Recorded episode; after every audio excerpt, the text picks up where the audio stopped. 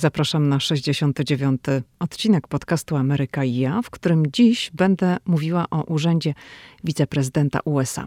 Na początek o samym urzędzie, potem trochę o Kamali Harris, pierwszej kobiecie, która zostanie wiceprezydentem Stanów Zjednoczonych oraz jej mężu, Douglasie M. Hoffie, który zostanie drugim dżentelmenem. Hej, tu Lidia Krawczuk, dziewczyna ze Szczecina, która wylądowała w Waszyngtonie. Ameryka mnie fascynuje, żyję w niej od ponad dekady i cały czas ją odkrywam. Podróż do Stanów Zjednoczonych była zawsze moim marzeniem. Nie sądziłam jednak, że w Ameryce kiedyś zamieszkam. Jeśli ciebie, tak jak mnie, ciekawią Stany i chcesz wiedzieć o nich więcej, to jesteś we właściwym miejscu. Opowiadam tu o Ameryce, o życiu w Stanach i o tym wszystkim, co odkrywam podczas mojej amerykańskiej przygody. Zapraszam na podcast Ameryka i ja. Zaczynamy.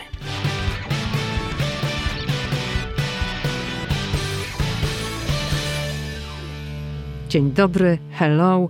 Jerzy z Berlina napisał w recenzji Apple Podcast ostatnio, bardzo miłej recenzji, chcę zaznaczyć, iż przy okazji podcastu o zmianie władzy nie wspomniałam nic o wiceprezydencie.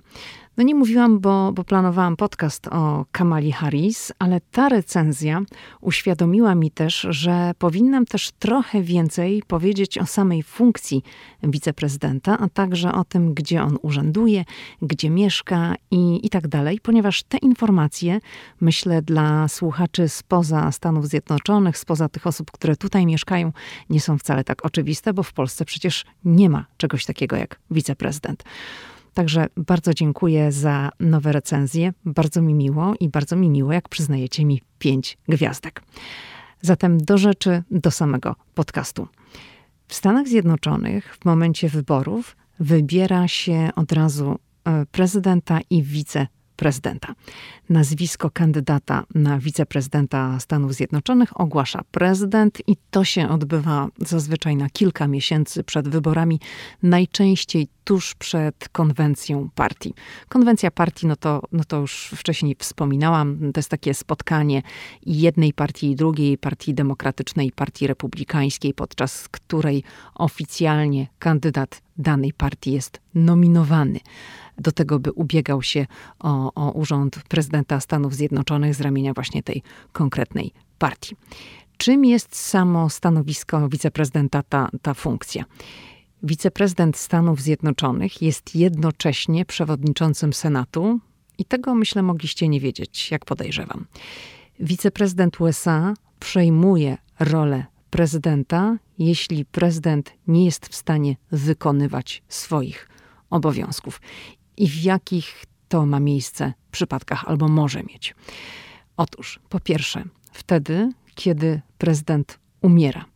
No na przykład po zabójstwie Johna Kennedy'ego, to było w 1963 roku, w listopadzie, prezydentem został niemal natychmiast Lyndon Johnson, który był wówczas wiceprezydentem w administracji Johna Kennedy'ego. I e, Johnsona zaprzysiężono na pokładzie samolotu na lotnisku w Dallas. To było tuż przed startem do Waszyngtonu, także kiedy samolot już wzniósł się w górę, na pokładzie był nowy prezydent Stanów Zjednoczonych. Lyndon Johnson, i to było, tak jak mówiłam, w 1963 roku. Mm, kolejny przykład. W jakich okolicznościach wiceprezydent może zastąpić prezydenta. Wiceprezydent przejmuje obowiązki władzy, gdy prezydent rezygnuje. Tak było w przypadku Geralda Forda, który przejął władzę po tym, jak w 1974 roku zrezygnował ze swojej funkcji, z funkcji prezydenta Stanów Zjednoczonych Richard Nixon. Ta rezygnacja miała oczywiście związek z aferą Watergate, czyli próbą zainstalowania podsłuchów w siedzibie sztabu Partii Demokratycznej w Waszyngtonie. Ta nazwa tej afery Watergate to jest od miejsca. To jest taki kompleks. W tej chwili tam się mieści hotel, mm, który był poddawany wielkiej renowacji na przestrzeni ostatnich lat. No i teraz tam rzeczywiście to wszystko bardzo, bardzo fajnie wygląda. U góry na dachu jest bar z widokiem na Waszyngton. Nie jestem pewna, jak to w tej chwili wygląda w covid no bo w covid wiadomo, wszystko wygląda inaczej, ale coś takiego jest, także to mówię przy okazji. Już będziemy mogli podróżować, gdyby ktoś miał ochotę sobie takie również historyczne miejsce odwiedzić z tą słynną aferą Watergate w tle. To to mówię o tym, żeby mieć to w pamięci. I teraz mamy kolejny przypadek, gdy wiceprezydent przejmuje obowiązki prezydenta. I to następuje wtedy, gdy prezydent jest tymczasowo niezdolny do sprawowania funkcji.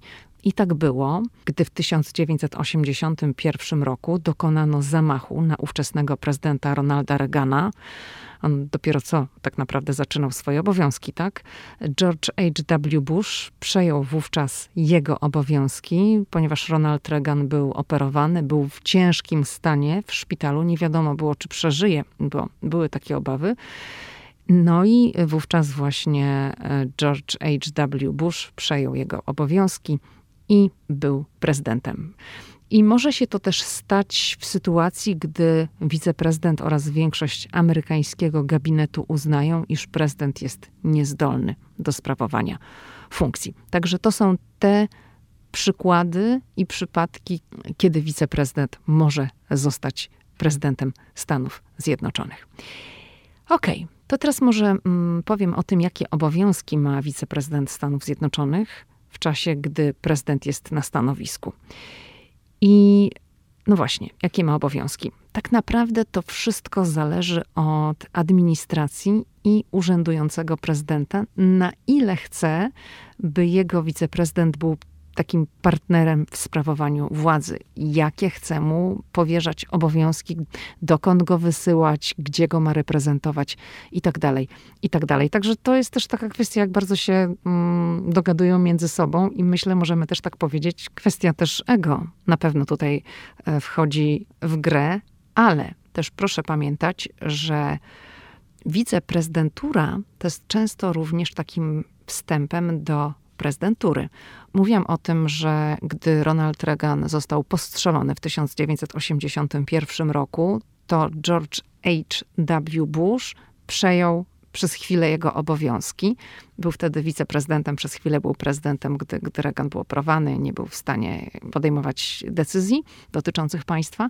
No, natomiast później George H.W. Bush wystartował w wyborach, no i został prezydentem na 4 lata. Nie był to prezydent dwóch kadencji, no bo później Bill Clinton startował, no i pokonał go w wyścigu. Ale to jest taki przykład, kiedy właśnie wiceprezydent jest mm, na swoim stanowisku, potem startuje w wyborach, jest wybrany i zostaje prezydentem Stanów Zjednoczonych. Dobrze, gdzie pracuje wiceprezydent i gdzie ma biuro? Tak naprawdę wiceprezydent Stanów Zjednoczonych to ma trzy biura. I główne biuro wiceprezydenta USA mieści się w budynku Eisenhowera. To jest budynek obok Białego Domu. Także jeżeli będziecie w Waszyngtonie i będziecie stać w okolicy Białego Domu, tutaj od strony, gdzie jest Lafayette Park, to stojąc przodem do Białego Domu, po prawej stronie, zaraz obok, będzie Eisenhower Building. I to jest właśnie to miejsce, gdzie mieści się główne biuro wiceprezydenta Stanów Zjednoczonych. Ale tak naprawdę też jeszcze na marginesie powiem, że ten Eisenhower Building to jest w sumie większy niż Biały Dom. Ale oprócz tego, że wiceprezydent Stanów Zjednoczonych ma właśnie swoje biuro w Eisenhower Building, to ma też swoje biuro w zachodnim skrzydle Białego Domu. No, w zachodnim skrzydle Białego Domu nie ma na pewno takiego zaplecza jak w Eisenhower Building, ale w Białym Domu wiceprezydent Stanów Zjednoczonych też tam może pracować, natomiast to nie jest główne biuro wiceprezydenta Stanów Zjednoczonych. No i wiceprezydent USA ma też swoje biuro na Kapitolu. Dobrze, to gdzie mieszka wiceprezydent Stanów Zjednoczonych? Na pewno nie w Białym Domu wiceprezydent Stanów Zjednoczonych, nie mieszka w Białym Domu, mieszka w rezydencji, która nazywa się United States Naval Observatory. To jest obserwatorium marynarki wojennej i to jest nadal obserwatorium astronomiczne. I tam przed pandemią były wycieczki. No teraz jest wszystko zawieszone, tak no nie można zwiedzać Białego Domu. Wycieczki na Kapitol są zawieszone z powodu pandemii, ale to są takie trzy miejsca, też mówię na przyszłość, które można zwiedzać. I na terenie tego obserwatorium marynarki wojennej znajduje się też dom, który jest rezydencją wiceprezydenta Stanów Zjednoczonych, i to właśnie jest ten dom, który zajmuje wiceprezydent. No, czytałam, że to jest dom z 33 pokojami. I ta rezydencja wiceprezydenta Stanów Zjednoczonych jest oczywiście w innej części Waszyngtonu niż, niż Biały Dom. To jest jakieś kilka kilometrów od Białego Domu. Rezydencja wiceprezydenta Stanów Zjednoczonych jest całkiem blisko, to tak na marginesie powiem, od rezydencji polskiego ambasadora. Rezydencja polskiego ambasadora to jest miejsce, w którym ambasador mieszka. To nie jest ambasada. Ambasada pełni inną funkcję, rezydencja też ma swoje inne funkcje ale trzeba też powiedzieć, że rezydencja polskiego ambasadora jest takim miejscem, w którym również odbywają się oficjalne spotkania, przyjęcia, spotkania, uroczystości różne. Ja pamiętam jedną uroczystość właśnie w rezydencji, na której pojawił się ówczesny wiceprezydent Joe Biden. Mówiąc szczerze, to daleko nie miał, jeżeli wybierał się z domu na tą uroczystość do, do rezydencji polskiego ambasadora, no bo to jest naprawdę y, niedaleko i z terenu rezydencji mm, polskiego ambasadora, bo tam przy rezydencji jest taki powiedzmy teren zielony z trawą, jak, jak są y, jakieś uroczystości, które odbywają się y, na wolnym powietrzu, to tam widać, zdaje się, nawet flagę, która powiewa właśnie na rezydencji wiceprezydenta Stanów Zjednoczonych. Także, no, tak, także pamiętam taką uroczystość, na której Joe Biden pojawił się w rezydencji polskiego ambasadora. To było po sąsiedzku. Po sąsiedzku przyszła kiedyś również Hillary Clinton. Ona była wówczas szefową Departamentu Stanu i Hillary Clinton ma również dom w bardzo niedalekiej odległości od rezydencji polskiego ambasadora. To jest takie miejsce, gdzie jest sporo ambasad i rezydencji dyplomatów, no, którzy przebywają w Stanach Zjednoczonych, także no, polska placówka jest w takiej bardzo dobrej e, okolicy. Ale wracając do, do rezydencji wiceprezydenta Stanów Zjednoczonych. Mieszkają tam od 1974 roku. Kiedyś wiceprezydenci ich rodziny wszyscy mieszkali we własnych domach, ale okazało się, że koszt zabezpieczenia tych prywatnych rezydencji, w których oni mieszkali, no znacznie wzrastał na przestrzeni lat i to się przestało opłacać. Także w 1974 roku kongres zgodził się, by odnowić dom na terenie Obserwatorium Marynarki Wojennej z przeznaczeniem jako no, dom, mieszkanie, miejsce, lokum, w którym mieszka wiceprezydent USA. Także tutaj mm, może jeszcze słowo o tym, że prezydent USA mieszka w Białym Domu, który jest też budynkiem o charakterze muzealnym, bo mówiłam, że Biały Dom można zwiedzać, te publiczne pokoje, oczywiście nie cały. A wiceprezydent Stanów Zjednoczonych, no też tak jak mówiłam, mieszka w miejscu, które można zwiedzać. No nie dom wiceprezydenta, ale, ale to y, obserwatorium, tam są wycieczki. I jest to miejsce, które służy naukowcom obserwującym Słońce, Księżyc, planety i gwiazdy. Także i jedno, i drugie miejsce zamieszkania i prezydenta, i wiceprezydenta służy jeszcze czemuś. Teraz na terenie obserwatorium mieszka obecny wiceprezydent Stanów Zjednoczonych Mike Pence e, ze swoją żoną Karen Pence, a wraz z końcem kadencji wprowadzi się tutaj Kamala Harris, czyli pierwsza kobieta wiceprezydent w historii Stanów Zjednoczonych. I ten podcast jest też okazją, żeby powiedzieć też kilka słów na temat Kamali Harris. Zatem Kamala Harris to jest dziecko imigrantów, imigrantów z Jamajki i Indii. I ona urodziła się w 1964 roku. Urodziła się w Stanach Zjednoczonych, urodziła się w Oakland w Kalifornii. Jej rodzice rozwiedli się, kiedy, kiedy miała 7 lat. I Kamala Harris jest pierwszą czarnoskórą kobietą wybraną na prokuratora okręgowego w historii Kalifornii. Jest pierwszą kobietą, która została prokuratorem generalnym Kalifornii, a także to jest pierwsza czarnoskóra kobieta, wybrana na wiceprezydenta, czyli ona jest pierwszą tą, która przebiła szklany sufit, o czym mówi się bardzo dużo w Stanach Zjednoczonych. Kamala Harris nie ma dzieci, jest mężatką i wyszła za mąż w 2014 roku, wtedy miała 48 czy 49 lat. Wyszła za mąż za prawnika Douglasa M. Hoffa.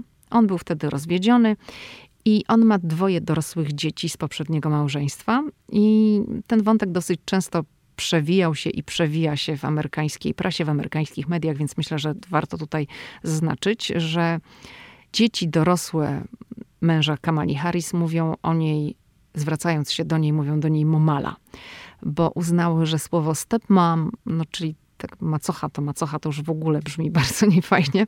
Natomiast y, po angielsku to jak wiadomo jest stepmom. No i też za bardzo to stepmom się nie podobało, więc powstało takie połączenie z wyrazu mam, mama i Kamala i wyszło momala. Także tak właśnie dzieci, dorosłe dzieci, one mają już tam powyżej 20 roku życia, mówią na, na Kamale Harris. Może na chwilę zatrzymam się też mm, przy mężu, Douglasie Emhoffie, bo ten obraz, jaki wyłania się z mediów, z internetu, z mediów społecznościowych też e, samego drugiego dżentelmena, to wyłania się obraz takiego bardzo wspierającego męża. On jest aktywny w mediach społecznościowych i na Twitterze, i na Instagramie.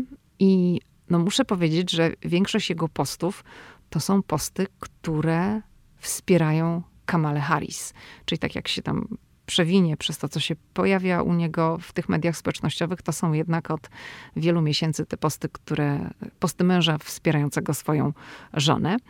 I mąż przyszłej wiceprezydent USA jest prawnikiem i z tych informacji pojawiających się w amerykańskich mediach wynika, że on zamierza zrezygnować z pracy w kancelarii jeszcze przed zaprzysiężeniem Kamali Harris, no tak aby wspierać karierę swojej żony i wypełniać obowiązki drugiego dżentelmena. Tak mówię drugiego dżentelmena, on tak naprawdę będzie taki drugi, pierwszy gentleman, tak, który będzie przecierał szlaki, bo w historii Stanów Zjednoczonych jeszcze tutaj nie mieliśmy takiej sytuacji, żeby kobieta mm, sprawowała taki urząd i ta funkcja tej osoby, która jest zawsze pierwszą damą, teraz przypada czy pierwszą czy drugą damą, teraz przypada mężczyźnie, więc mężczyzna będzie drugim gentlemanem, ale pierwszym w historii.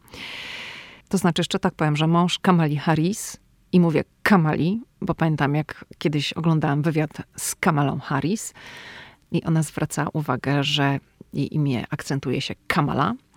Także mąż Kamali Harris jest na urlopie w swojej firmie od sierpnia tego roku, czyli od czasu, gdy ogłoszono, że, że właśnie ona będzie kandydatką na wiceprezydenta Stanów Zjednoczonych. No i tak jak mówiłam wcześniej, zrezygnuje, bo, bo będzie wspierał swoją żonę i będzie wypełniał obowiązki drugiego dżentelmena. Będzie też musiał trochę się zmierzyć mm, z tematem płci, no bo do tej pory, jak mówiłam, pierwszą czy drugą damą była zawsze kobieta i obie te kobiety, i pierwsza dama, i druga dama, budowały swoją działalność taką publiczną wokół jakiejś tematyki, jakiejś platformy, jakiegoś celu, który sobie stawiały. Obecna Second Lady, czyli druga dama, Karen Pence, zaangażowała się w promowanie terapii poprzez sztukę i skupiała się na narodzinach wojskowych. Także mąż Kamali Harris, czyli Douglas Emhoff, no zapewne też sobie znajdzie coś, znajdzie sobie jakąś platformę, jakiś cel, wokół którego będzie budował swoją działalność. To będzie w sumie takie ciekawe obserwować, jak on będzie wypełniał swoją rolę, no bo to jest młody człowiek. Oboje z Kamalą Harris mają po 56 lat. Także no nie sądzę, że będzie chciał po prostu siedzieć i się przyglądać też sobie, będzie wspierał, na pewno to dużo jest obowiązków wspierania takiego partnera, który wypełnia tego typu funkcje, ale na pewno też wykorzysta tą e, swoją platformę do, do jakichś działań. Z takich ciekawostek to mogę powiedzieć, że Kamala Harris, przyszła wiceprezydent Stanów Zjednoczonych, dobrze gotuje i lubi to robić. Tak przynajmniej twierdzi. I zanim wystartowała w wyborach jako running mate czyli ta kandydatka z Joe Bidenem, kandydatka na, na wiceprezydenta, to była przecież konkurentką w prawyborach Joe Bidena, w prawyborach, które wyłaniały kandydatów na ten najwyższy urząd. I właśnie w tym okresie, kiedy ona sama walczyła o to, żeby uzyskać nominację partii na, na kandydata na prezydenta Stanów Zjednoczonych, to jeszcze właśnie w tym okresie, to no pamiętam, że dała się poznać też z takiej innej strony jako wzorowa pani domu i, i wpuściła kamery na przykład, żeby pokazać w jaki sposób przyrządza indyka z okazji święta dziękczynienia. Ona gotowała wspólnie na ekranie z aktorką Mindy Kaling. Udała się też, i to też oczywiście zostało zarejestrowane i, i puszczone w świat na YouTube, można sobie to obejrzeć. Udała się do jednego z kluczowych stanów, do Iowy, po to, żeby upiec w domu jednej z gospodyń Monster Cookies, czyli takie wielkie ciastka owsiane z masłem orzechowym oraz kolorowymi drażetkami MMMs. I, no i właśnie wtedy przy tej okazji zaprezentowała swoje umiejętności, rozbijając jajko jedną dłonią o brzeg miski i tą samą wbijając jajko do środka. No to nie jest takie hop nie? Jedną ręką tak szt, uderzyć o miskę, rozbić jajko i, i wbić je do miski, żeby tam skorupki nie poleciało jeszcze. No, zrobiła to nieźle. Gospodyni była pod wrażeniem, ja w sumie też byłam pod wrażeniem, jak to, jak to oglądam. Muszę powiedzieć, że ja nie śledziłam mm, jakoś tak wcześniej kariery Kamali Harris, ale ona zwróciła moją uwagę w 2017 roku. Była wówczas senatorem i to było podczas przesłuchania ówczesnego prokuratora generalnego USA, Jeffa Sessiona, w Senacie w sprawie Rosji. No i to było takie ostre prokuratorskie przesłuchanie, że aż w pewnym momencie Jeff Session powiedział, że nie może być tak popędzany, bo to go denerwuje.